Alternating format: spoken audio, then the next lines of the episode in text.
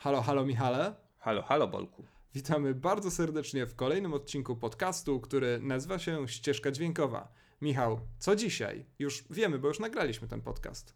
Ale dlaczego tak spoilujesz? A może dlatego tak spoilujesz, że będą dzisiaj spoilery? Spoilery będą w jednej części tylko, dotyczącej Avengers, ale zakładamy, że większość ludzkości obejrzała, a nawet jeśli nie obejrzała, no to no nie za dużo jest do spoilowania e, w tym filmie paradoksalnie, bo to przecież kolejny odcinek serialu takiego, co mamy co, co roku. E, no a z drugiej strony, nie mogłem sobie podarować tego suchara, bierzemy się za Bary z Barym. Taki serial. Świetnie. No, bardzo dobry suchar. Barry, serial HBO z Billem Heiderem w roli głównej, przez Billa Heidera współtworzony. E, trochę ignorowany, jak mi się zdaje, jest to rzecz znakomita, więc z przyjemnością Wam o niej opowiadamy. A później Podkreślamy to jeszcze raz, że rozmowa o Avengersach będzie ze spoilerami, e, ale tak jak Michał zauważyłeś, przecież to jest zupełnie nieważne i o tym między innymi sobie rozmawiamy, o tym jak można zbudować ogromną franczyzę na historiach, w których tak naprawdę nie ma żadnej stawki. Zastanawiamy się, co Avengersi mają wspólnego z helikopterem w ogniu, jaka jest najwybitniejsza scena w historii tej franczyzy i czemu jest ona właśnie w Wojnie bez granic i tak dalej. Kilka jeszcze wydaje mi się w miarę interesujących kwestii tam poruszamy. Zapraszamy. Zapraszamy.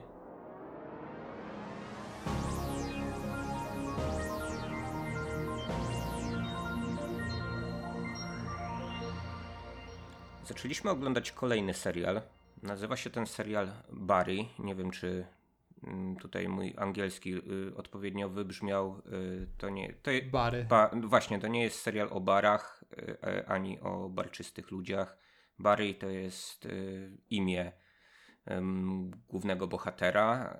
Y, no i to jest taki one-man show Billa Heidera, można powiedzieć. Nie wiem, czy się zgodzisz ze mną, ten serial. Tak, całkowicie. To znaczy, to jest wielki skok Billa Heidera na Emmy. Po prostu, bo przygotowując się do tego odcinka, sprawdziłem, czy on kiedykolwiek ten największy telewizyjny zaszczyt wziął w swoje łapki i wyczytałem, że owszem, jest laureatem Emmy, ale jest to Primetime, Primetime Emmy Award e, za wybitny program animowany poniżej godziny e, i jest to za jeden z odcinków serialu South Park i jest tam wymieniony jako laureat obok um, Treya Parkera, Matta Stone'a i 15 innych twórców South Parku, więc to chyba nie jest takie Emmy, które spełnia jego potrzebę, a to jest przecież aktor o ogromnym dorobku telewizyjnym i coraz większym dorobku filmowym i jestem absolutnie przekonany, że Barry powstał po to, żeby Bill Hader dostał Emmy, ponieważ to jest przede wszystkim jego aktorski popis. Więc tak, odpowiadam na twoją wątpliwość twierdząco. Mhm, to znaczy, to może... nie, nie twierdząco, bo to Przed... brzmiało jakby potwierdzam twoją wątpliwość. Rozwiewam twoją wątpliwość. Wspaniale. Więc nie twierdząco.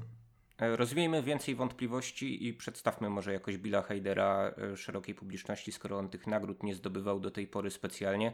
A skandalem jest według mnie to, że nie dostał chociażby nominacji za Documentary Now. Taki, um, taką antologię można powiedzieć, tak? Tak, Ko tak, tak. Documentary Now to jest... A! A, cierpię i chcę przerwać, ponieważ Documentary, Documentary Now to jest taki serial, który od zawsze chciałem wrzucić do tych naszych e, od czasu do czasu pojawiających się kompilacji seriali, ale nigdy mi się nie udało, a to jest zupełnie fantastyczna rzecz.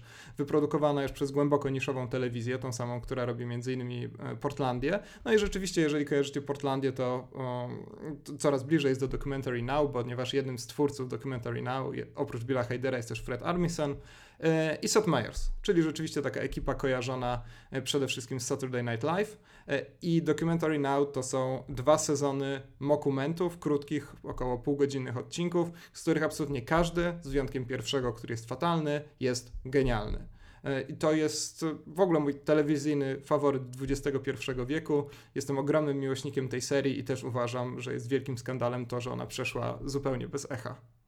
Tak, tym bardziej, że obaj panowie tam odgrywają diametralnie różnie, różne role, dlatego że każdy z tych odcinków, y, nie licząc tych, które są podzielone na dwie części, e, dotyczy w zasadzie zupełnie innej konwencji kina dokumentalnego, więc trochę inaczej muszą to zagrać. Mamy tam przegląd tematyczny, oczywiście od dokumentów politycznych po sportowe, ale mamy też e, no, przegląd właśnie e, różnego rodzaju praktyk dokumentalnych, od takich typowych gadających głów poprzez no, jakieś psychodramy wręcz dokumentalne. No więc tam zarówno Bill Hader, jak i jego kolega mogą poszaleć sobie ostro. No i no, szaleją w taki sposób, że no, powinny być tutaj te, te, te nominacje no, do Globów też, jak sądzę, prawda, do Emmy.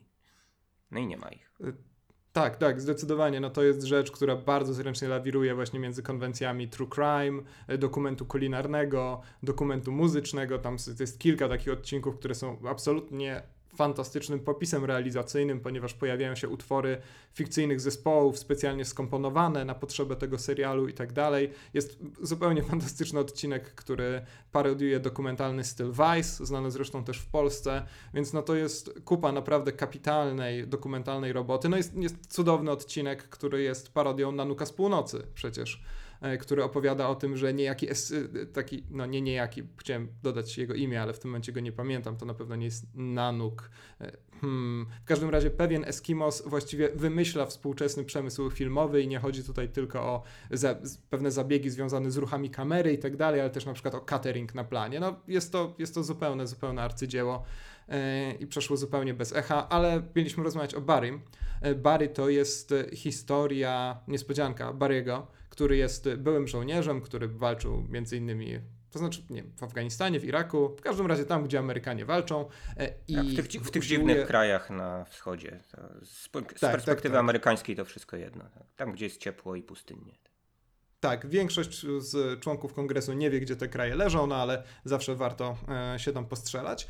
Barry nie ma za bardzo pomysłu na to, co zrobić e, ze swoim życiem po powrocie do kraju, więc zostaje zawodowym mordercą. Jak przeczytałem w jakimś opisie tego filmu, e, niskobudżetowym zawodowym mordercą. No bo rzeczywiście to, co on robi, nie ma nic wspólnego z tym takim fikcyjnym, chyba jednak glamurem E, zawodowych morderców, którzy zbierają zlecenia tylko i wyłącznie na jakieś grube szychy, tylko on no, pozbywa się głównie rzeczywiście złych ludzi, e, ale raczej takich drugo, trzecio albo nawet piątoligowych, a w pewnym momencie przy okazji realizacji zadania odkrywa swoje zupełnie niespodziewane powołanie i postanawia zostać aktorem i przyłącza się do takiej grupy w Los Angeles, która uczy się tego aktorstwa. No a jednocześnie e, w, dużej mierze przez to właśnie wplątuje się w coraz większe kłopoty z mm, pewnymi o, i teraz e, wyszedł ze mnie taki stereotypowy, no właśnie, Amerykanin, który nie rozróżnia narodów Europy Wschodniej, ale czy to są Bułgarzy?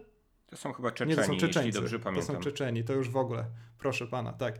E, z no, gagiem wszystko jedno, że tak, tak powiem. Tak, tak, tak, jak już tu Nieważne. jedziemy tym kolonializmem czy imperializmem amerykańskim, to co tak, za tak, różnica, skąd ta mafia jest? Może być polska. Myślę, że oni też, myślę, że oni też ich zupełnie nie odróżniają. E, I, no i tyle. No i, no i na tym właściwie zasadzona jest ta intryga. E, także tematyka bardzo prosta, ale zrealizowane to jest kapitalnie. Oprócz Billa Heidera robi to Alec Berg.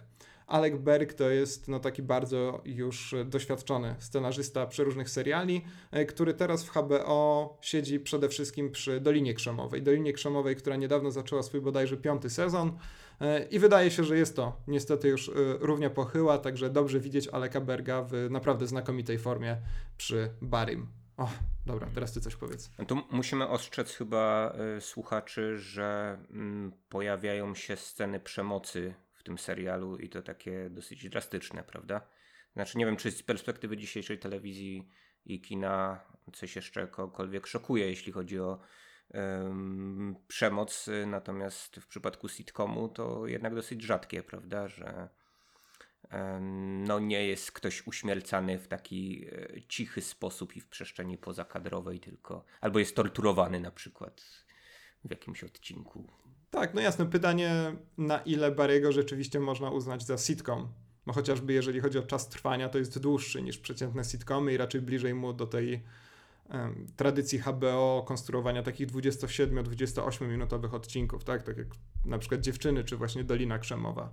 Więc wydaje mi się, że tutaj nie tylko ze względu na e, same, samą długość odcinka e, moż, mo, można mówić o tym, że to jest sitcom. Ale no jednak mamy do czynienia z serialem komediowym, prawda, a nie popularną formułą dramedii. Mimo, że tutaj jakieś elementy depresji głównego bohatera się pojawiają, to wydaje mi się, że e, no chyba mimo wszystko poza, poza tę warstwę komediową za bardzo Barry nie wyskakuje. E, tak paradoksalnie. Tak, tak, to racja. Hmm. W sumie e, dla mnie w tym serialu najciekawsze nawet nie jest to zderzenie Barry'ego Cingla z Barrym początkującym aktorem, ale no, bardzo fajnie naszkicowane tło tych ludzi, którzy starają się osiągnąć cokolwiek w Los Angeles. Prawda, to jest dosyć mimo wszystko chyba rzadkie w przypadku mm, seriali, że oglądamy E, bo zwykle, gdy oglądamy ludzi, którym się nie udało, no to, no to są jacyś ludzie gdzieś tam po studiach zasiedlający mieszkania w Nowym Jorku, prawda? E, czasami ktoś tam jest aktorem, uczęszcza na castingi i tak dalej, ale tutaj mamy takie e, wejście od środka, prawda, z no, bardzo, bardzo fajnym obśmianiem zarówno tych ludzi, którzy E, uczęszczają na e, castingi do byle jakich rzeczy i mm, no, próbują czegokolwiek, chociaż nie mają specjalnie wielkich umiejętności, e, jak i ich nauczycieli, a tutaj akurat nauczyciela niejakiego pana Gina Cusinogra, Henry Winkler i wydaje mi się, że w niektórych scenach on kradnie show Heiderowi mimo wszystko, bo, bo jest to znakomita rola. Tak, tak, tak, jest wspaniały. To jest zresztą cudowny aktor, ale Heider jest e, totalnie niesamowity, ponieważ on tam gra kilka postaci, niemalże naraz. E, przede wszystkim gra człowieka, który nie zdaje sobie sprawy z tego, że jest już w tym momencie wybitnym aktorem. E, w tym filmie chyba najpiękniejsze są sceny, kiedy Bill Hader jest przesłuchiwany przez pewną panią policjantkę, która podejrzewa go o to, że dokonał pewne morderstwo, dokonał pewnego morderstwa i Bill Hader, który na co dzień widzimy go, że rzeczywiście jest e, jakimś takim, no wręcz stereotypowym Marine z tym właśnie e, PTSD, jak się to ładnie nazywa Aha, po polsku. Syndrom stresu pourazowego, e... jeśli dobrze pamiętam.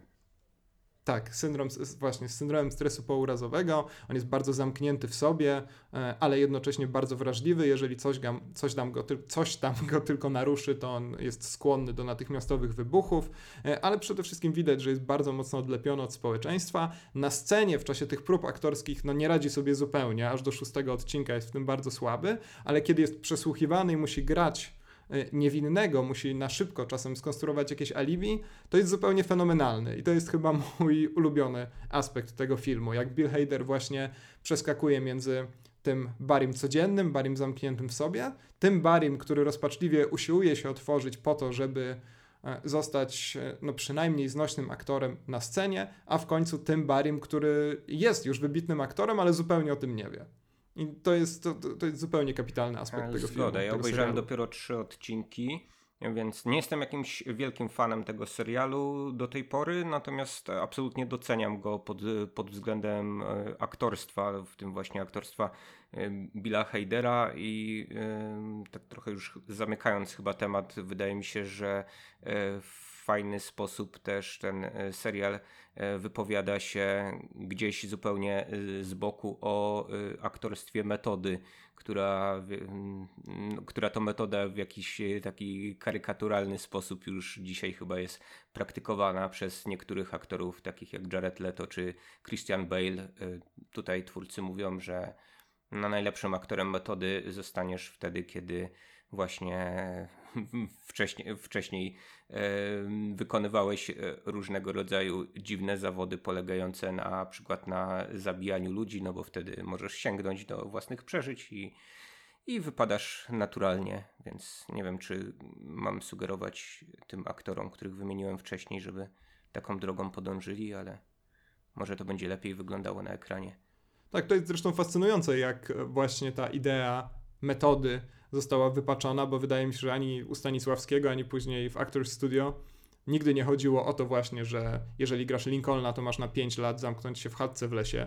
E, ale a, a, a dzisiaj rzeczywiście wielu aktorów na czele z Jaredem Leto e, do tego to sprowadza do tego, żeby rzeczywiście całkowicie zjednoczyć się z tą graną postacią, e, nie tylko na planie, ale także poza nim i to tak naprawdę przestaje być aktorstwem, to tak naprawdę z, aktorstwa zmienia się w jakąś taką dziwaczną psychologiczną grę z samym sobą i to już tak naprawdę nie ma kunsztu, którego moglibyśmy, który moglibyśmy my jako widzowie podziwiać, ale to jest już rzeczywiście temat na inną dyskusję, ale taki temat, który mnie interesuje od pewnego czasu.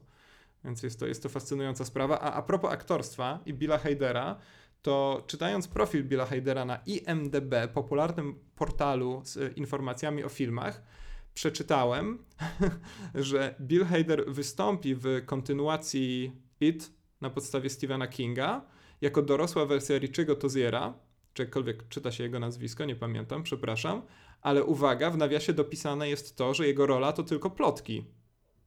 A zatem IMDB Aha. doszło już do takiego etapu, że wpisuje kogoś oficjalnie, czy też uzupełnia oficjalnie czyjś profil o rolę, którą być może zagra, ale jeszcze nie wiadomo.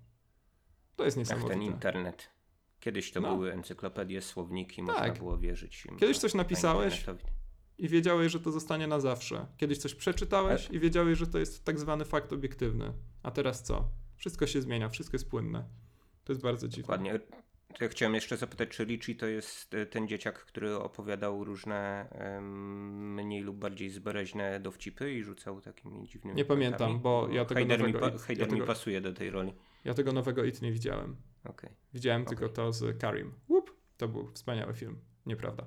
E, dobrze, to ja e, zupełnie szczerze Barego polecam. Wydaje mi się, że w tym momencie jesteśmy po szóstym, a już za dwa dni będziemy chyba po siódmym odcinku. E, jest to rzecz zupełnie kapitalna, zwłaszcza dla tych, których rzeczywiście trochę zmęczyła na przykład Dolina Krzemowa, bo tutaj można zobaczyć, jak Alec Berg fantastycznie się realizuje. No i rzeczywiście dla miłośników talentu Billa Hadera, który tutaj jakby eksploruje pewne kolejne obszary swoich umiejętności aktorskich, co mu nie zawsze dobrze wychodziło, bo o tyle, o ile na przykład w Skeleton Twins obok Kristen Wiig jest e, naprawdę bardzo dobry, to już na przykład, kiedy miał grać główny obiekt zainteresowania miłosnego bohaterki wykolejonej, to był zupełnie w tym nieprzekonujący. A tutaj wydaje mi się, że znalazł coś idealnie dla siebie. Więc tak, polecam.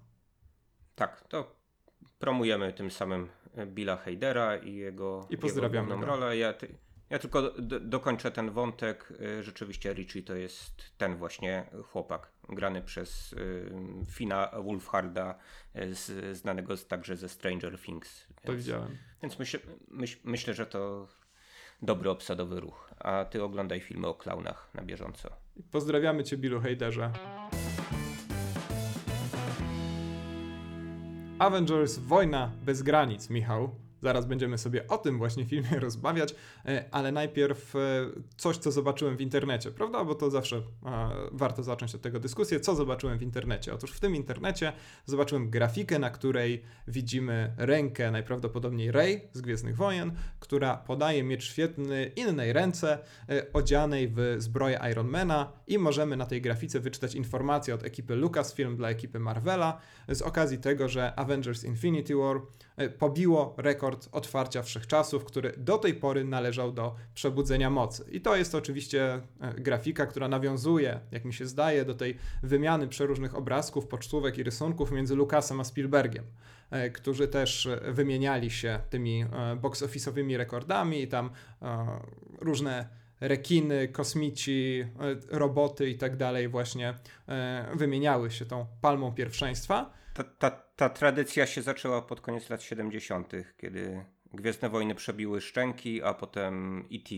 E, przebił Gwiezdne Wojny, więc tak panowie mogli się tutaj smerać. Tak, ale tutaj mamy do czynienia z autosmyraniem się, mam wrażenie. E, I jestem przekonany, że gdybyśmy zobaczyli pełną wersję tej grafiki, to okazałoby się, że obie ręce należą do tej samej osoby. No bo to jest dość zabawna sytuacja, kiedy w taki zawoalowany sposób e, wielka korporacja gratuluje samej sobie. Bardzo, bardzo mnie ta grafika rozbawiła, naprawdę. Okej, okay, tylko że można powiedzieć, że wiesz, to są dwa wielkie projekty w obrębie jednego studia, w zasadzie dwa mini studia w obrębie tego studia i nawet głowy tych studiów są jakoś rozpoznawalne e, niezależnie od samego Disneya. Ja nie wiem, kto zawiaduje całym Disneyem, ale wiem na przykład, że Kathleen Kennedy zawiaduje franczyzą Gwiezdnych Wojen, a e, Kevin Feige zawiaduje Marvel Cinematic Universe, więc no, do pewnego stopnia te relacje chyba za mocno się nie oddaliły w stosunku do tego, co mieliśmy pomiędzy e, Lucasem a Spielbergiem, jak wiadomo, tam sobie panowie pisali nawzajem scenariusze, reżyserowali swoje projekty, wymieniali się. Tak, tak, oczywiście. To też było. Pokazywali sobie jako pierwsi filmy. Że to, to nie było tak, broń Boże, że to rzeczywiście były jakieś dwa zupełnie osobne światy, które po prostu z szacunku dla siebie e, sobie gratulowały, tylko rzeczywiście, no tam mieliśmy cały czas do czynienia z tym wzajemnym e, prze, przepływem projektów, co nie zmienia faktu, że i tak to ta grafika mnie niezmiernie rozbawiła. E, a czy ciebie, nie wiem jak to zręcznie przejść, e, rozbawił rozbawił film Avengers Infinity War, czyli Zemsta bez, nie Zemsta bez granic, Wojna bez granic. Zemsta bez granic to był lepszy tytuł. Zemsta bez... To będzie tytuł pewnie sequela, zważywszy na to, co się wydarzyło tak, tak, tak, w pierwszej może. części. To zaraz sobie o, o tych fabularnych aspektach porozmawiamy. Skoro y, zaczynasz od y, kwestii komediowych, y, czy też tak zwanych heheszków, E, no to ja muszę powiedzieć, że no, ten film się przecież bardzo smutno kończy, no ale oczywiście te Marvelowe heheszki tam są e, w środku, bo czym byłby Marvel e, w przeciwieństwie do tego ponurego, smutnego DC, jeśli nie heheszkowaniem w momentach największej rozruby no a tutaj mamy jeszcze większą rozróbę, więc prawem skali y, powinno być więcej tych dowcipów. Nie wiem, czy jest więcej. No jak na jak porównując to z, ze Strażnikami Galaktyki, no to chyba trochę tutaj e, mimo wszystko samo ograniczają się bracia Russo i no, chwała im chyba za to, że, że no mamy, e, mamy to, co ma, do czego Marvel nas e, przyzwyczaił, ale akurat jeśli chodzi o mniejsze lub większe suchary, to no nie przekraczają tutaj masy krytycznej, przynajmniej takie jest moje zdanie na temat tego filmu. Ja nie, wiem, nie, nie, nie planowałem szczerze mówiąc, żebyśmy zaczęli od e, rozmowy o dowcipach, e, ale skoro niedługo przejdziemy do takich bardzo ponurych tematów, no to może rzeczywiście ten temat na początek będzie lepszy. Ja miałem e, problem ze sketchami w tym filmie wynikający z pewnego napięcia czasowego, to znaczy zastanawiałem się, czy na pewno mamy czas na te takie bardzo rozbudowane scenki kabaretowe w momencie, kiedy ten film jednak nie może trwać trzech godzin, to znaczy może, oczywiście nikt mu tego nie zabroni, ale nie trwa a mamy bardzo dużo historii do opowiedzenia. E, a tutaj tymczasem mamy całe długie minuty poświęcone tylko po to, żeby e, zbudować podbudowę do jakiegoś żartu. Więc to jest, to, to, to jest coś, co mnie niepokoiło Ale które, trochę. które żarty masz na myśli? Które no tam jest na tak przykład taki rozbudowany czasowo żart z Draxem, który jest przekonany, że jest niewidoczny. Ja to tak oglądam i myślę sobie, czy my mamy na to czas? Czy nie powinniśmy już jednak opowiedzieć czegoś innego? No ale w rezultacie to wszystko gra. To znaczy, ten film jest według mnie e, bardzo, bardzo, bardzo sprawnie napisany. E, kilka, jest tu kilka zaskakujących rozwiązań, jest minimum jedno absolutnie znakomite rozwiązanie, które w ogóle jest chyba moim absolutnym faworytem, jeżeli chodzi o sceny w historii całego tego ogromnego przedsięwzięcia. E, więc myślę, że mimo, mimo tych moich zastrzeżeń związanych właśnie z pewnym napięciem czasowym, to jest to, jest to kawał kina, po prostu. E, w pewnym momencie nawet miałem wrażenie, że nigdy tak dobrze nie bawiłem się na filmie, który wzbudza tak dużo moich zastrzeżeń. Okej, okay, to zaraz przejdziemy do tych zastrzeżeń i narzekania. Ja tylko ym, dopowiadając te, coś do tych kwestii y, komediowych, to wydaje mi się, że no, coś trzeba było zostawić Strażnikom Galaktyki, co e, do nich y, pasuje. No bo ten film jest jednak. Y, kompilacją występów, które już znamy. Jest y, oczywiście e, no, pierwszymi Avengersami do potęgi, dlatego że w międzyczasie się nazbierało jeszcze więcej postaci, które no, już e, jakoś tam wyraziście się zaznaczyły w Marvel Cinematic Universe. E, no i Oczywiście każdemu trzeba było wykroić kawałek y, tortu i y, wydaje mi się, że ukłonić się ku, fanom każdej z tych postaci, więc, więc każda z postaci no, po prostu musiała coś takiego e, swojego sprzedać. E, no ale wciąż myślę, że no, nie, jest to, nie jest to tak bardzo cynicznie odmierzane suwmiarką, jak niektórzy recenzenci sugerują, bo niektórzy mówią, że ten film jest rzeczywiście pocięty tak, żeby każda z postaci miała równo. No nie, no to nie jest zupełnie prawda. Na, na, na grę. Oczywiście, zwłaszcza, że Kapitan Ameryka tu jest wycofany no właśnie, tam na, gdzieś na, na margines pewne decyzje są, są bardzo zaskakujące. Jeżeli byśmy szli tylko i wyłącznie właśnie e, taką miarką, która zresztą oczywiście z takim korporacyjnym robieniem kina jak najbardziej może się kojarzyć, no to na pewno jednej z głównych ról nie, nie dostałby Doctor Strange, który, którego film przecież został odebrany najgorzej tak naprawdę z tych ostatnich kilku lat. Więc to, to jest swoją drogą rzecz, która mnie bardzo zaskoczyła, ale to, co mnie chyba najbardziej fascynuje w ogóle w kontekście e, tego, co się dzieje wokół tego filmu, to fakt, że mamy tu do czynienia z ogromnym blockbusterem za kilkaset milionów dolarów, e, który wymaga do tego, żeby go obejrzeć, znajomości minimum jakichś 10-12 innych filmów. To jest e, zupełnie szokujące rozwiązanie, jeszcze bardziej szokujące jest to, że to zadziałało i rzeczywiście film odniósł ogromny sukces w czasie weekendu otwarcia, ale zastanawia mnie, czy w ciągu dwóch tygodni na przykład, na razie minął tydzień, nie czeka go jakiś największy spadek w historii ponieważ e, bardzo szybko rozejdzie się informacja, że jeżeli nie znasz rzeczywiście minimum połowy tego kinematograficznego uniwersum, to nie zrozumiesz absolutnie nic.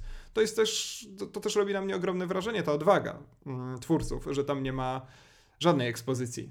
Że tam nie ma tego, co było chociażby w pierwszych Avengersach, gdzie mamy regularne flashbacki skonstruowane za pomocą e, fragmentów innych filmów, na przykład pierwszego Kapitana Ameryki. E, tutaj po prostu wiesz albo wiesz albo wychodzisz. Wiesz albo absolutnie nic z tego nie zrozumiesz. Czy też w większości. To jest, to jest zupełnie imponujące przedsięwzięcie. No właśnie, ekonomia tego przedstawienia chyba to wymusiła przy tylu postaciach. No, trzeba byłoby jeszcze bardziej je wycofać, przynajmniej połowę z nich, prawda, jeżeli chcielibyśmy do tych retrospekcji e, sięgać. Ja nie wiem, czekam na jakieś e, uczone badania e, recepcji przez uczonych filmoznawców e, przeprowadzone w duchu, w duchu nowej historii filmu. Bardzo popularne dzisiaj badania na temat tego właśnie, e, ile z tego filmu wynieśli ludzie, którzy mm, no, znają jakieś pojedyncze filmy Marvela na przykład. Czy oni nie, no wydaje mi się, że tego się po prostu nie da zrozumieć. I tyle. Ja na przykład z tych najgłośniejszych produkcji Marvela, czy też w ogóle chyba ze wszystkich produkcji Marvela, nie widziałem tylko Czarnego Pantera. E, ale tu akurat hmm. mam trochę łagodniejszą tą barierę wejścia, ponieważ po pierwsze znam te podstawowe opowieści komiksowe, no po drugie widziałem całą resztę tych filmów, więc mniej więcej wiem na jakich zasadach ten świat, te postaci działają, więc jeżeli nagle pojawia się jakieś dziecko geniusz, no to ja się tym za bardzo nie przejmuję, tylko przyjmuję to, przyjmuję to mhm. do wiadomości i stwierdzam, aha, okej, okay, to tu mamy dziecko geniusza yy, i tyle. Tu mamy jakieś klany, które pewnie wcześniej się nie, nie dogadywały, ale teraz się dogadują, okej, okay, i, to, i to tyle, nie muszę wiedzieć nic więcej.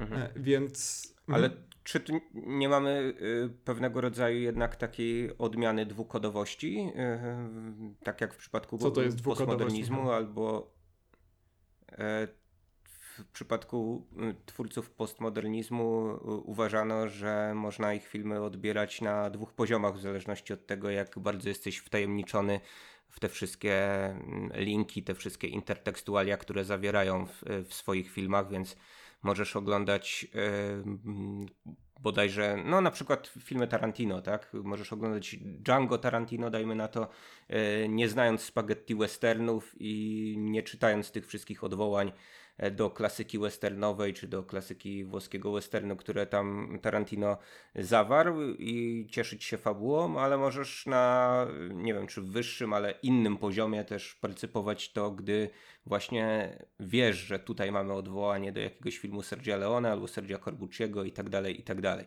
w przypadku nowych e, jakiegokolwiek Sergia, nieważne. E, w przypadku nowych Avengersów też może do pewnego stopnia być tak. To znaczy, z jednej strony są ludzie, którzy znają Marvel Cinematic Universe na pamięć i obejrzeli po kilka razy, albo jak mają dobrą pamięć, raz te wszystkie filmy, no i wiedzą, e, dlaczego ktoś ma z kimś na pieńku, albo e, ktoś jest z kimś w związku, mniej lub bardziej skomplikowanym, a z drugiej strony no, mogą zdarzyć się na tym seansie ludzie, którzy jednak śledzą te szczątki fabuły, które tutaj są, na które się wokół Thanosa skupiają, prawda? No i mamy historyjkę o tym, że jakiś tam e, zły pan z wielkim podbródkiem e, chce zgromadzić e, sześć kryształów, prawda? Niemalże jak Sauron we Władcy Pierścieni, więc fabułka dosyć prosta.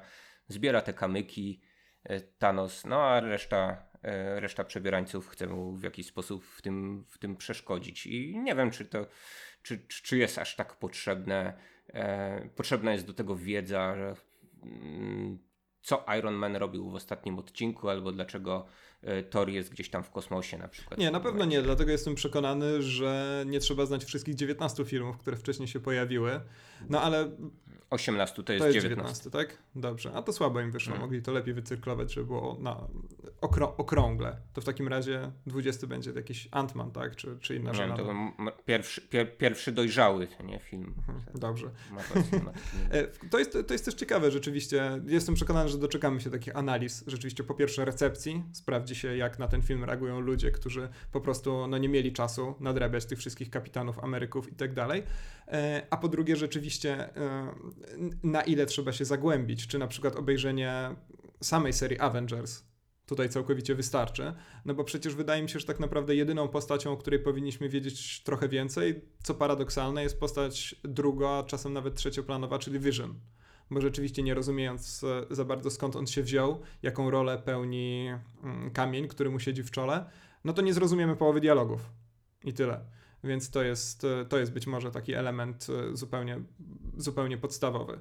E, ale no jest to tak czy, tak czy owak dla mnie bardzo imponujące przedsięwzięcie i właśnie przekonanie o tym, że możemy wydać jakieś, nie wiem, 300, 400, 500 milionów dolarów, wliczając wszystkie koszty marketingu i tak dalej, na film, który jest przeznaczony dla ogromnej, ale jednak bardzo wyraźnie ograniczonej grupy osób nie, dla film, nie na film, który jest skierowany absolutnie do każdego. Nie na film, który na tej zasadzie nalotu dywanowego właśnie ma zgarnąć jak największą liczbę odbiorców. To jest coś, co mnie nie przestaje fascynować. Naprawdę siedziałem, oglądałem ten film i myślałem sobie, o kurczę, ale to jest, to jest niesamowite jednak.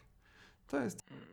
Okej, okay, ale to nie jest do pewnego stopnia mimo wszystko rozwinięcie logiki pierwszych Avengers, tego właśnie, że mm, nie robimy dzieła skomplikowanego narracyjnie, wręcz robimy coś do pewnego stopnia anarracyjnego, coś przypominającego e, no ja mam zawsze takie skojarzenie operę właśnie, chyba jak rozmawialiśmy o poprzednich Avengersach, to, e, to się już do tego przyznawałem, gdzie no oddaje się po prostu partię kolejnym e, wykonawcom i i tak naprawdę no, dba tylko o to, żeby te solowe albo w duetach, albo w tercetach i tak dalej występy e, dobrze wyglądały i w jakiś sposób e, wyglądały inaczej niż te, które przyjdą, przy, przyjdą za moment.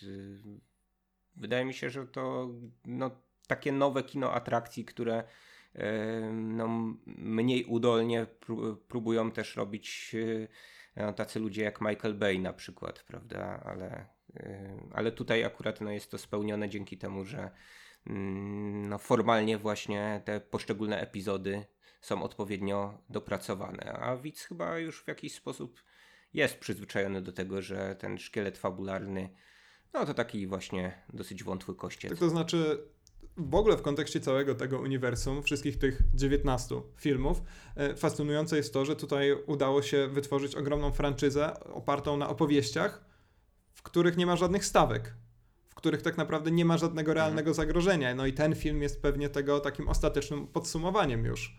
E, że tutaj tak naprawdę żadne spoilery w gruncie rzeczy nie mają też sensu, ponieważ wiadomo, że jakby bardzo łatwo jest przewidzieć większość rozwiąza rozwiązań i tyle. No i pewnie ten film jest rzeczywiście tego najlepszym przykładem, ponieważ jak pamiętamy kończy się śmiercią dokładnie połowy ludzkiej, a tak, tak naprawdę to, e, populacji całego wszechświata.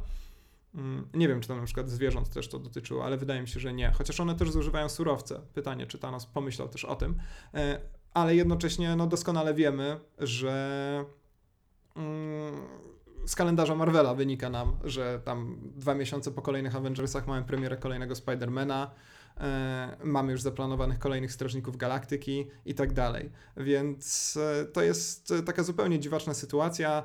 E, tak było też w torze poprzednim, czyli ostatnim torze czyli Ragnaroku, po prostu, e, kiedy tak naprawdę, no wiadomo, że tej postaci nic złego się nie stanie. I tyle. I mimo, że, że reżyser mm, do spółki ze scenarzystą, czy też scenarzystami rozpaczliwie usiłują, nam usiłują nas przekonać, że tu rzeczywiście zaraz może wydarzyć się coś groźnego, to w gruncie rzeczy wiemy, że nic groźnego się nie wydarzy. W tym filmie dość szybko też zostaje no niemalże anulowany ten e, jedyny taki wizualny dramat Tora, czyli utrata oka, co mnie, co mnie bardzo rozbawiło. Tak, tak. No, my z tego ze znajomymi e, żartowaliśmy właśnie, że e, no ta li, liczba jednookich tam się zawsze musi zgadzać w, uni, w uniwersum i, i wiesz, no był Odyn, był, był, był Thor. E, Teraz już nie ma nikogo. No, w, w, mm, nie. Kogo mamy teraz z jednym nie, okiem? Nie, no już chyba wszyscy mają dwa oka. Czy też oboje oczu. Już chyba nie ma nikogo jednookiego w tym momencie. Aha, no tak, no Nick, Nick Fury wyparował. Tak, tak, tak. Razem z jednym Oczywiście. okiem. Jakoś tego nie... Więc, e, no, więc, no tak. więc po wszystkim. A, e, także. Moja teoria w grusy. Tak, więc oczywiście to, o czym mówię, nie jest zupełnie niczym nowym, jeżeli patrzymy na to, jak e, produkuje się komiksy mm, superbohaterskie, e, bo tam zawsze wiadomo, że jakaś postać wróci. Właściwie pytaniem nie jest to, czy wróci, tylko pytaniem jest to, kiedy wróci i w jaki sposób wróci. E, wydaje mi się, że ostatnio nawet Marvel e, Wolverina znowu przywrócił do życia po takim specjalnym, kilku tam zeszytowym e, evencie, gdzie, gdzie, gdzie, gdzie Wolverine Jasne. zostaje wreszcie. Chociaż... Mhm. No, moja, moja wypowiedź do niczego Chociaż nie dla niektórych Chociaż dla niektórych fanów, wiesz, no tragedią może być to, jeżeli jakaś postać zniknie na pewien czas przynajmniej, no a tutaj są no takie już zupełnie pozafilmowe zakusy związane z e, wygaszaniem kontraktów tych e, głównych postaci po powiedzmy pierwszej, drugiej fazy MCU, więc rzeczywiście na jakiś czas może Iron Man zniknąć zanim ktoś, ktoś nowy przyodzieje tę zbroję, natomiast akurat w przypadku tego filmu no, tak jak powiedziałeś, e, konse konsekwencje są dla większości tych postaci e, żadne, ponieważ e, znowu dysponujemy tą całą wiedzą pozafilmową o kalendarzu nadchodzących filmów. I tutaj mogliby się akurat, myślę, scenarzyści bardziej postarać, to znaczy, nawet jeżeli w taki losowy sposób Thanos uśmiercał, to oni jednak mogli wybrać te postacie, które, no, o których nie wiemy, że, że będą miały jakieś jeszcze jakieś tam solowe popisy y, w najbliższym czasie. Nie wiem, czy koniecznie trzeba było w tym filmie uśmiercać y, Spidermana. Oczywiście jakoś to tam efektownie zagrało, no bo dopełniało pewnego rodzaju ojcowsko-synowskiej więzi między y, Peterem Parkerem a Tonym Starkiem, no ale, ale, ale wciąż właśnie no, ta, ta dodatkowa wiedza sprawia, że że nie ma to większego znaczenia, no ale z drugiej strony, no, czy to jest takie w popkulturze zupełnie nowe? Y, no tak jak wspominałeś komiksy, no mamy y, chociażby serię o Bondach, która y, też różnego rodzaju takimi zabiegami się posługiwała i tak wiadomo było, że zwykle jakiś nowy agent 007 się pojawi, nawet jeżeli to będzie nowy aktor, E, więc chyba w przypadku no, tego typu franczyzy ciężko jest wymyślić coś takiego, co no, rzeczywiście by jakoś zszokowało y, widownię. Chociaż akurat w tym filmie no, mamy nie tylko te finałowe śmierci, ale mamy kilka takich, które no, powinny być permanentne, tak? Oczywiście permanentny biorę tutaj w cudzysłów, czyli w jakiś sposób y, no, w tym MCU która jest kontynuowana przez kolejne filmy, mm, mieć ciągłość. Myślę tutaj o mm, śmierci Lokiego chociażby. Tak, tak, tak. No na pewno te osoby, które... zginęły przed tą końcową anihilacją prawdopodobnie już e, rzeczywiście przez jakiś czas nie wrócą, choć akurat w przypadku Lokiego najprawdopodobniej będzie niezmiernie łatwo przywrócić go do żywych, e, ale ja mam dość duży problem, szczerze mówiąc, e, chociażby z tą śmiercią Spidermana, o której wspomniałeś, bo mam wrażenie, takiej ogromnie nieprzyjemnej różnicy rejestrów, bo mamy tu do czynienia z franczyzą, w której praktycznie nie ma śmierci, y, która nigdy się z takimi poważnymi tematami y, nie, nie mierzyła, nawet w taki sposób, w jaki może się z nimi mierzyć y, kinematografia przeznaczona dla dzieci. No bo nie oszukujmy się, że to są, to są filmy dla dzieci. E, i to, że my się też jesteśmy w stanie na nich dobry, dobrze bawić, no to jest fantastyczne osiągnięcie autorów tych filmów, po prostu, ale jednak... Znaczy, prze, przepraszam, przerwę ci, bo może się mierzyć, ale poprzez postacie, które nie są superbohaterami, no i w ten sposób to chyba y, się dzieje gdzieś w Spider-Manie, wiadomo kto zawsze umiera, prawda, więc, y, więc w ten sposób śmierć y, permanentną, no można wprowadzać do tego uniwersum, No ale to nie będzie śmierć protagonisty. Tak, no to jest też ten problem, że to są postaci gdzieś tam istotne dla bohaterów, ale niekoniecznie są to postaci istotne dla widzów. I tutaj nagle widzimy tego. I właśnie z jednej strony podoba mi się wizualne rozwiązanie tej finałowej anihilacji, ponieważ ono jest właśnie takie bardzo disneyowskie, to znaczy ponure, szare, e, bardzo sugestywne, ale jednocześnie wyjątkowo bezkrwawe, być może też bezbolesne. Ale tutaj, na, i, i rzeczywiście te postacie tak e, rozsypują się gdzieś tam na wietrze, po czym nagle pojawia się Spider-Man, który zaczyna jęczeć w agonii, rozpaczać. Mówi o tym, że chyba zaraz umrze. O Boże, co się dzieje? Wpada w ramiona swojego przybranego ojca. On jest równie przerażony i mamy tak niesamowicie dramatyczną, przerażającą scenę, że ja powiem szczerze, zupełnie nie wiedziałem, co z tym po tych dwóch i pół godzinach dzikiej rozwałki zrobić. To było dla mnie naprawdę przerażające. Był to dla mnie popis tego, jak właśnie można nie dopasować pewnych rejestrów. E, no i to jest taki, taka rzecz, która w tym filmie rzeczywiście bardzo, bardzo mi się nie podobała. No to klasyczny problem um, scenariopisarstwa amerykańskiego, czy to telewizyjnego, czy hollywoodzkiego, prawda? Jeżeli um, wirus zombie, dajmy na to, y, zaraża wszystkich y, y, w dwie sekundy, to nie dotyczy to postaci, która no, miała wcześniej ileś tam linijek dialogu i jest w jakiś sposób ważna fabularnie, bo ta postać będzie się przeistaczać w zombie przynajmniej z 5 minut, prawda? No, będzie się musiała pożegnać z rodziną i tak dalej. Więc w, no, w zakresie takiej logiki wewnętrznej, tak, no to też jest słabe. To jest koszmarne, bo mam 19 filmów dla dzieci, gdzie nagle pod sam mhm. koniec oglądam 15-latka, który wije się w agonii i rozpacza, że właśnie umiera i trudno mu się dziwić i w tym momencie film się kończy. I, ten, i ja z tym, jako to 12-letnie dziecko, zostaję to nie zostaje w żaden sposób przepracowane, to nie zostaje w żaden sposób nawet nie wyjaśnione, chyba właśnie słowo przepracowane byłoby to e, najlepszym określeniem i tyle. I nagle po tej dzikiej rozwałce przez 19 filmów oglądam e, umierającego w męczarniach 15-latka i film się kończy. Dzięki. Dzięki Disney. Jest... No, wspaniale, tyle lat na to Wiesz, ja nie mam nic przeciwko te... nie, mógł się nie mam nic przeciwko temu, żeby pokazywano mi okrutne śmierci w filmie, jeżeli to służy fabule, ale zwłaszcza w filmie przeznaczonym dla dzieci jestem przekonany, że ta śmierć powinna znaleźć się w jakimś szerszym kontekście, chociażby właśnie próby przepracowania tej śmierci.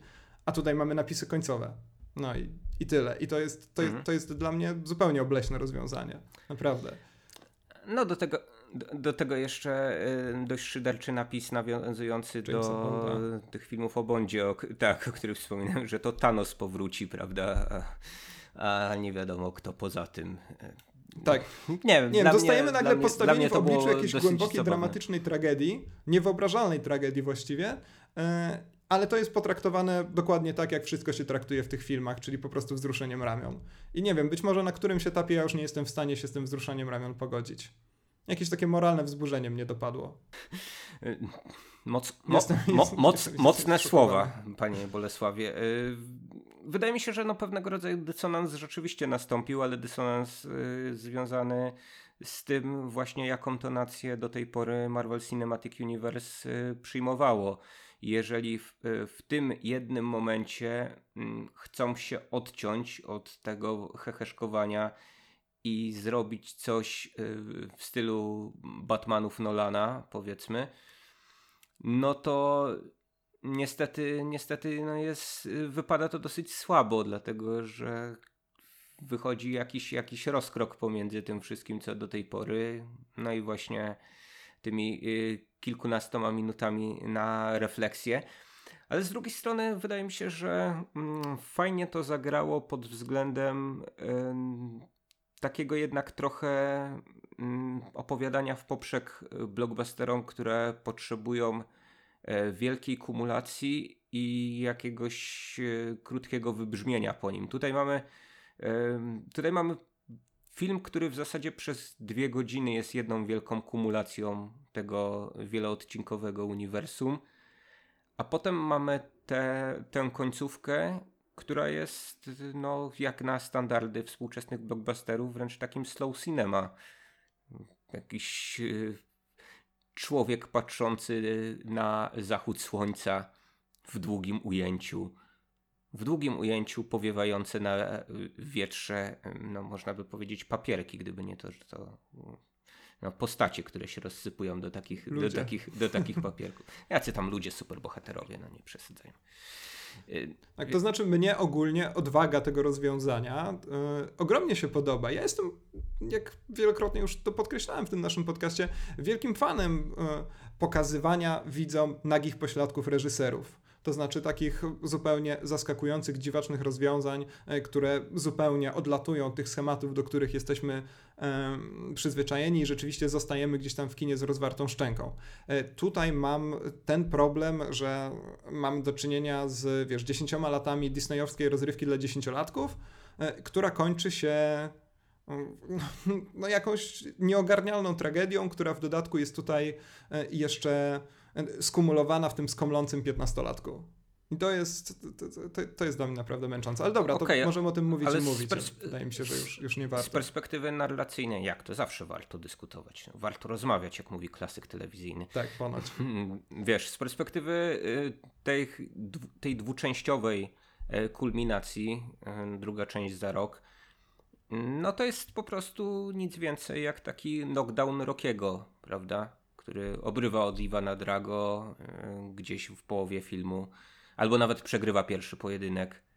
E, no ale musi, musi wstać z kolan jak Polska i pokazać przeciwnikom, że... Tak, to jest też fascynujące, jak bardzo skompresowało się to opowiadanie międzyfilmowe. Wyobraź sobie, że jest rok 80, ty oglądasz ostatnią, ostatnie kilka scen Imperium kontratakuje, mhm. wychodzisz z kina i orientujesz się, że na dalszą część musisz czekać 3 lata. Mhm. Teraz musisz czekać rok, a w dodatku w międzyczasie dostaniesz jeszcze dwa inne filmy. Tak samo chociażby było jeszcze niedawno z drugą częścią Hobbita, która też zostaje urwana w wręcz niespodziewanym momencie. Ja pamiętam, byłem zdziwiony, że tutaj nagle pojawia się już nazwisko Petera Jacksona, e, ale w następne święta mogłem zobaczyć, co się tam dzieje dalej. Czy mi się to podobało, to inna sprawa. Niemniej to jest niesamowite, że masz rację, rzeczywiście, być może trzeba też na to patrzeć z tej perspektywy, że mm, pewnie większość widzów też już jest przyzwyczajona po prostu do tego, że dostaje dość szybko kolejny film, kolejną część, kolejny odcinek e, i być może w ogóle nawet nie przyjmuje tego, co widzą teraz w tym momencie w kinach za jakieś zakończenie historii. Nie, znaczy... nie muszą z tym właśnie żyć przez kolejne 3 lata, tak jak fani Gwiezdnych Wojen 30 czy 40 lat. No ale wciąż muszą żyć, żyć z tym rok. Nie wiem jak właśnie y, ci ludzie to wytrzymają, bo jednak czasy na tyle przyspieszyły, że dostajemy, tak jak powiedziałeś, dużo szybciej pewne rzeczy. E, a wciąż ta serializacja kina jest taka, nie licząc kolejnych odcinków przygód Patryka Wegi, to znaczy podopiecznych Patryka Wegi, jest taka, że no, trzeba ten rok odczekać. W, w perspektywie serialowej oczywiście też jest tak, że od sezonu do sezonu raczej minimum, minimum rok, chyba że mm, podzieli to jakaś stacja telewizyjna dziwnie na dwie części, tak jak się z Wikingami to to podziało w, pewne, w pewnym momencie, narobiono tych odcinków bardzo dużo, oczywiście dużo za dużo. E, no i można było tych e, wikingów w jakichś tam mniejszych odstępach e, oglądać z sezonu na sezon. No ale nie wiem, wydaje mi się, że, że to jest już po prostu konsekwencja tych wszystkich tak zwanych kinowych seriali, które do tej pory mieliśmy no, zarówno Uniwersum Śródziemia, o którym wspomniałeś, tego Harry'ego Pottera, który się ciągnął i ciągnął, prawda, zawsze na święta nowy odcinek.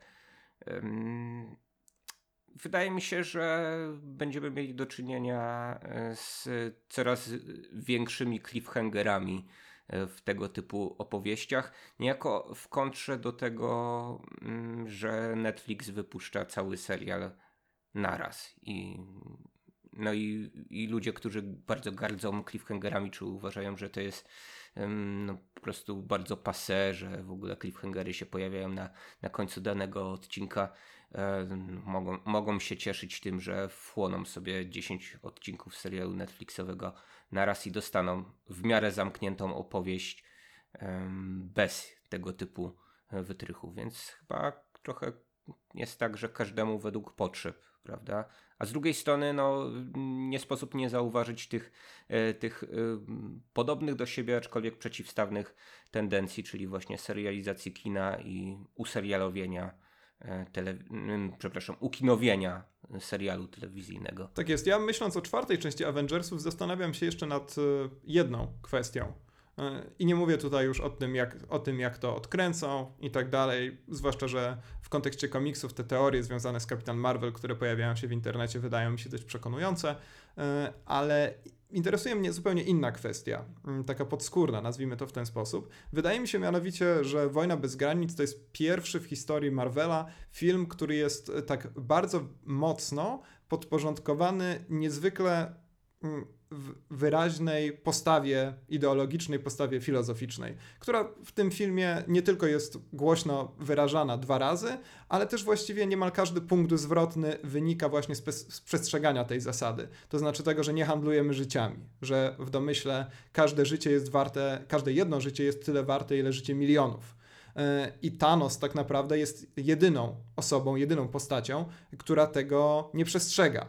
I jak się okazuje, to on wygrywa pod koniec filmu. I teraz zastanawiam mnie, czy w czwartej części Avengersów e, rozwiązanie tego problemu również będzie podyktowane tej zasadzie, którą wyrażają Kapitan Ameryka e, i, i, i Vision e, głośno. Mm, I zastanawiam się, czy właśnie będzie to ciągle podporządkowane temu przekonaniu, czy raczej sprowadzi się to i będzie to wtedy taka naturalna, ideologiczna kontynuacja tego filmu, co by mnie bardzo usatysfakcjonowało czy gdzieś tam zapomną o tym w połowie. E, I w połowie, czyli między filmami. E, I zostanie to porzucone na rzecz być może czegoś zupełnie tak naprawdę pozbawionego jakiegoś takiego wyrazistego przekonania, co by było bardzo charakterystyczne dla, dla większości mhm, tych filmów. Znaczy tutaj wkraczamy trochę w obszar różnego rodzaju hipotez, co będzie w, w części następnej, ale odnosząc się do tego, co właśnie przed momentem powiedziałeś, to jest to taki, taki film, który no, wydaje się dowodzić, że e, właśnie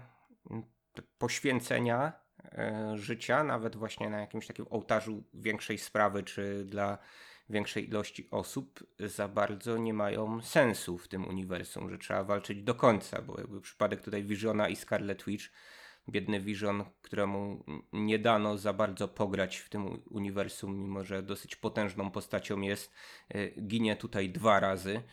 E, za drugim, e, e, tak, za, za drugim razem jak taki... To, to mnie w jakiś ohydny sposób rozśmieszyło. No tak, za drugim razem jak taki ogryzek odrzucony przez, e, przez Thanosa, który z niego tę pestkę wyjął, tak, bo pestka najważniejsza była.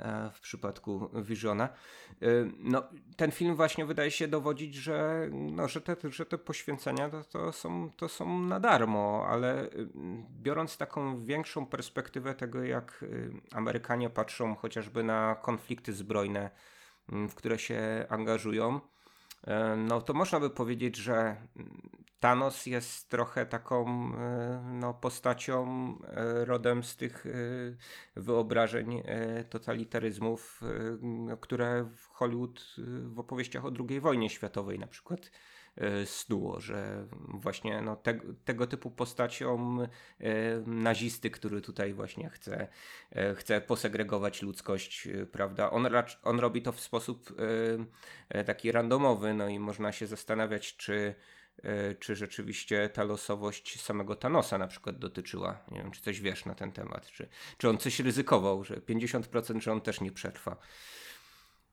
E, tego nie wiem, nie mam okay. pojęcia. Zresztą jego motywy w komiksie, w komiksie są zupełnie inne. E, jestem trochę zawiedziony, że nie poszli w tę stronę. No to zaraz e, jeszcze o tym Thanosie sobie trochę więcej porozmawiamy, tylko żebym skoń, skończył tę myśl, y, to no, o ile właśnie Thanos jest powiedzmy takim Hitlerem, tak upraszczając bardzo sprawę, mam nadzieję, że to nie zamknie tego odcinka prawem Godwina, to z drugiej strony... Będzie montowane. To, to, jak działają Avengersi, mm, jest konsekwencją yy, oczywiście E, zachowując wszystkie proporcje na takiej polityki Stanów Zjednoczonych e, mniej więcej od początku lat 90.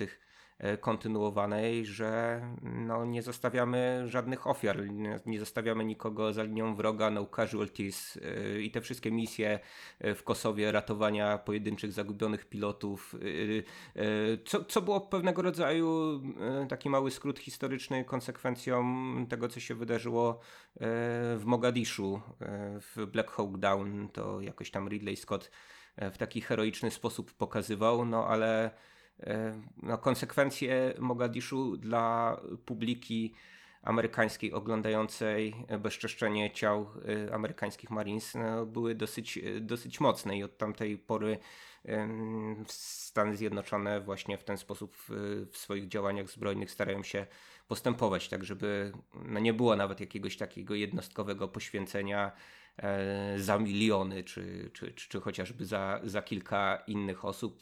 Starają się tych, tych ofiar unikać. No ja tu widzę takiego e, zgoła amerykańskiego ducha wśród tych amerykańskich superbohaterów. Chciałbym tutaj wspomnieć e, o tym, co, o czym mówiłem na początku, czyli najpiękniejszej scenie w historii całej tej franczyzy. Chodzi mi tutaj o scenę, kiedy Thanos e, zabija Gamorę. Uważam, że jest to wybitnie napisane kilka minut filmu. Kilka minut filmu, gdzie tak naprawdę za pomocą kilku gestów, kilku spojrzeń, no i jednego bardzo zamaszystego rzutu dostajemy naraz ogromną liczbę informacji na temat Thanosa. E, bardzo tutaj zmienia się, mm, może nie jego podejście do może nie podejście widza do niego, bo wydaje mi się, że on jest raczej w, w przypadku tego filmu człowiekiem bezwarunkowo zły, złym, albo przynajmniej rzeczywiście tym szalonym tytanem, jak zwykło się go nazywać, e, i trudno tu czuć do niego jakieś współczucie, e, ale rzeczywiście jego postać w tej jednej scenie zostaje naraz właściwie naświetlona z kilku stron, z kilku kątów e, i właściwie dostajemy jedną informację za kolejną te informacje wchodzą ze sobą w takie fascynujące zależności. No bardzo, bardzo mi się ta scena podobała. To jest chyba oficjalnie moja ulubiona scena od czasu obok e, sceny bitw, walki w windzie w Zimowym Żołnierzu, choć z zupełnie innych powodów. Tam się po prostu fajnie bili. Okej. Okay. Jeśli szukamy jakichś wątków, które rzeczywiście tutaj e, odcinają się mocno od y, no, tej operowej tonacji opartej na rozróbach i rozwałkach, no to ten wątek y, Thanosa i jego córki jest chyba rzeczywiście e, najmocniejszy aż do samego finału. No i wydaje mi się, że mm, no takie pogłębienie e, postaci e, tego arcywroga wyszło Marvelowi na dobre. No nie tylko my y, narzekaliśmy przy wielu filmach Marvel Cinematic Universe na to, że mm, ci arcywrogowie no nie są tacy arcy, no bo mają jakieś y, kliszowe motywacje, y, w zasadzie dysponują jakąś, y, jakąś armią klonów, a sami z siebie też nie są w żaden sposób ciekawi psychologicznie. Wydaje mi się, że Thanos w końcu jest postacią napisaną porządnie, zarówno jeśli chodzi o no, jakiś taki ludzki, czy zbliżony do ludzkiego, bo nie wiem jakiej proweniencji on jest tak naprawdę e, rys. E, no, jaki... On jest z Tytana. Jest, mm, jak to się odmienia? To znaczy... Tytańczyk. Aha, tytań. Tytanowiec ewentualnie. No, jakiś... Titanic. Jeżeli chcesz, jesteś o. już bardzo zdesperowany. super, dobra, no to jest Titanikiem. E, no i jak na tego Titanica, to bardzo, bardzo ludzko się zachowuje w, wielu momentach, właśnie mm, też tych e, ojcowskich, prawda? E, no i wydaje mi się, że mm, taki wątek też był potrzebny w tym filmie, żeby odróżnić go od chociażby mm, Transformers i tym podobnych orgii przemocy. I, i, jesz, Jasne. I, no, jeszcze Brolin jest wspaniały. Tak, jeszcze, je, jeszcze jedno tylko y, właśnie jeśli chodzi o tych widzów, którzy nie mają tego backgroundu z MCU, y, no to oni oprócz tego McGuffina ze zbieraniem świecących kamyczków, no właśnie dostają tę relację praktycznie od początku do końca, bo tu z serią różnych retrospekcji, prawda, e, zagłada całego ludu Gamory i tak dalej, oddzielenie od ojca, potem e, no te wszystkie resentymenty, które wychodzą na wierzch w, w konfrontacjach między nimi. Mm, tak, to wydaje mi się. Tak, pojawia się jakiś przedmiot, który łączy te dwie mhm. postaci, choć wydaje mi się, że go wcześniej nie było. Tak, no akurat ten wątek jest tutaj rzeczywiście rozbudowany, wydaje mi się, dla każdego.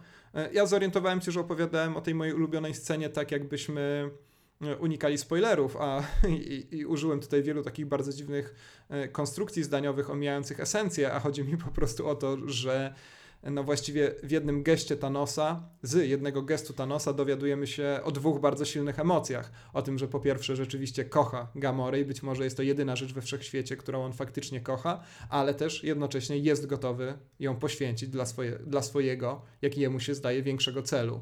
I to wszystko się wydarza w jakieś dwie sekundy. Więc według mnie to jest, to jest absolutne mistrzostwo scenariopisarstwa. Bardzo, bardzo mi się to, e, to podobało. E, czy przechodzimy do czepiania się głupot, których nikt przy zdrowym, zdrowych, zdrowych zmysłach by się nie czepiał, ale niektórzy zrobili z tego karierę na YouTubie? E, nie wiem, jak duże są twoje głupoty, bo ja chciałem te, tylko wspomnieć o soundtracku jeszcze trochę który moim zdaniem jest. Dum, dum, dum, no tak, bar, bardzo, no, no. bardzo fajny jest ten motyw Avengers, tego się nie będę czepiał. Przewija się przez, przez różne filmy i wciąż działa moim zdaniem. Tak, ja też bardzo go lubię. Natomiast sama muzyka Alana Silvestriego chyba trochę jednak y, zbyt pompatyczna, zbyt, zbyt dużo takiego dociskania wszystkich możliwych klawiszy na wszystkich możliwych instrumentach. E, no upało mi to w czaszce za mocno. Nie? Rozumiem, ja eliminuję taką muzykę z uszu. Po prostu okay. po, pewnym, po pewnym czasie już jej nie no, słyszę. Widziałem gdzieś taki. E, jeżeli chodzi. Przepraszam, hmm? tylko widziałem gdzieś taki postulat, żeby ym, zastąpić muzykę Silvestriego jakimś ciężkim rokiem i w, no, chociażby w duchu takiego Led Zeppelin z Tora Ragnaroka, co, co ty na tak, to? Czy to albo czy, ACDC z drugiego Ironmana. Czy to byłby lepszy... nie polecam, ile można słuchać ACDC. No właśnie to nie byłby lepszy film, e, nawet w tym spektakularnym momencie, gdy ze swoją e, nową zabawką, e, burzołamaczem, czyli tym toporkiem wykutym przez e, największego karła w historii Thor spada na ziemię, czy gdybyśmy wówczas y, wrzucili ten kawałek Led Zeppelin, który, ten, który, który mieliśmy w Torze Ragnaroku, to no nie pękałyby lepiej ściany kina. No wiesz, to jest w ogóle dla mnie wielki problem, że no, ze względu na pewne uwarunkowania sprzętowe E, hollywoodzka muzyka to jest przede wszystkim muzyka symfoniczna. E, ja zdecydowanie bardziej lubię te sytuacje, kiedy rzeczywiście autorzy muzy muzyki sięgają do innej instrumentacji. To mnie, to mnie zawsze zdecydowanie bardziej e, bawi. Co jeżeli chodzi o głupoty, o których wspomniałem, to na przykład to, że finałowa rozgrywka z Thanosem toczy się w Parku Skaryszewskim. E, to jest coś, co mi się ogromnie nie podobało. To, że znowu mamy tutaj po raz kolejny tak naprawdę do czynienia z sytuacją, w której ta e, finałowa, zupełnie ostateczna rozgrywka odbywa się w jakiejś wybitnie nieinteresującej scenografii. Rozumiem, że to tutaj się działo niedaleko Wakandy, która hmm. no, znajduje się gdzieś tam jest otoczona przez las afrykański, tak? Ale tutaj miałem wrażenie, że te wszystkie drzewka, krzewy i trawa wyjątkowo nie pasują do tej końcowej rozgrywki, nawet jeżeli ona mm, sprowadzała się do tego, że Thanos otrzepuje się z przeciwników. Tak, tutaj. Yy, to, jest, to jest coś, co znaczy, mnie strasznie. Ty, ty, tym bardziej, że w tym filmie przestrzeń nie jest żadnym problemem. Yy, no jest jeszcze mniejszym problemem niż w ostatnim sezonie gry o Tron dla bohaterów. Oni tutaj sobie skaczą po kosmosie. Tak, tutaj to jest fabularnie sposób... uzasadnione. Tak każdy się może przenosić gdzie chce, to znaczy nie każdy, ale e, w każdej ekipie jest ktoś, kto potrafi szybko przenieść kogoś innego w zupełnie inne miejsce, prawda? Więc jasne, ale może, nawet, ale nawet może coś ciekawszego mogłoby się tutaj wydarzyć. Obce planety, y, księżyce, satelity niepotrzebne skreślić, y, to też nie wyglądają w jakiś y, taki scenograficzny, spektakularny sposób, prawda? Gdyby nie te wielkie podpisy no ja bym chyba nie odróżnił od siebie tych kilku miejsc, w, których y, no, ląduje e, Thanos, czy, czy, czy Thor, czy Strażnicy y, Galaktyki. Nie wiem, czy, czy scenograficznie można się jeszcze jakoś wysilić, pokazując obce, obce planety, tak żeby nie przypominały tego, co z kina science fiction e, znamy do tej pory, no ale zakładam, że chyba można cokolwiek zrobić. No można, no widzieliśmy to w ostatnich scenach ostatniego Jedi chociażby. Nawet jeżeli one bardzo mocno grały na takim imaginarium, które mamy w głowie, bo pamiętamy Imperium kontratakuje, to jednak pewne detale nie tylko robiły wrażenie, ale miały też e, dość dużą e, wagę fabularną, prawda? Więc jestem przekonany, że jeżeli chodzi o lokacje, to można by się było zdecydowanie bardziej wysilić, bo ja miałem wrażenie, że po prostu zabrakło im pieniędzy na tą ostateczną rozgrywkę, że nie, nie kombinujmy to za bardzo ze scenografią, bo pamiętajmy, że jeszcze musimy rozpaść połowę ludzkości, a to będzie dużo kosztowało. Nie, nie, mm, więc to mi się nie podobało. Nie wiem, czy na, na, na, tym etapie y, aż tak mocno każdy milion dolarów jest y, kalkulowany. Nie, Michał, to był żart. Okej, okay, no dobra. Żarcik. Dzisiaj, dzisiaj przeczytałem. Jestem przekonany, że oni rozrzucają pieniądze na lewo i prawo. To jest coś, co mnie zawsze szokuje przy produkcji blockbusterów. E, ostatnio oglądałem sobie Making of e, ostatniego Jedi, ciągle wybitny film, kupiłem niedawno na Blu-rayu. E, I tam z kolei można zobaczyć, jak ekipa od animatroniki na przykład przez rok pracuje nad jakimś projektem, bo Ryan Johnson sobie tego zażyczył. Poszło na to na pewno no, grube miliony dolarów na to poszły, po czym. Mm, Ryan Johnson decyduje się to jednak zrobić za pomocą komputera, więc jestem przekonany, że tam pieniądze, w każdym razie dla takiego laika jak ja, który na pieniądzach zupełnie się nie zna, nie są tak bardzo istotne. Mm, Michał, musimy kończyć, bo bateria mi się wy, wy, wyładowuje w komputerze. Dobrze, to dwie minutki. Ten model animatroniczny to zawsze można sobie, wiesz, umieścić w jednym z parków rozrywki disneyowskich, więc zakładam, że tu nie ma jakichś takich straconych rzeczy. Znaczy, cokolwiek się nie posta postawi y, takiego naprawdę stojącego i y, nie będącego green screenem, chyba w każdym momencie można przewieźć, y, wiesz, na Florydę, do Kalifornii w ostateczności do Paryża czy Japonii i tam gdzieś między kaczora Donalda a myszkę Miki wstawić. E, Michał, jakieś ostatnie słowa, zanim komputer umrze? Zaraz zacznie znikać, zamieniać się w szary pył. No nie, jeśli komputer umiera, to musimy y, kończyć. E, dobra, no to co? To dziękujemy bardzo serdecznie, drodzy słuchacze, i do usłyszenia w czasie najbliższym. Sayonara, superbohatersi.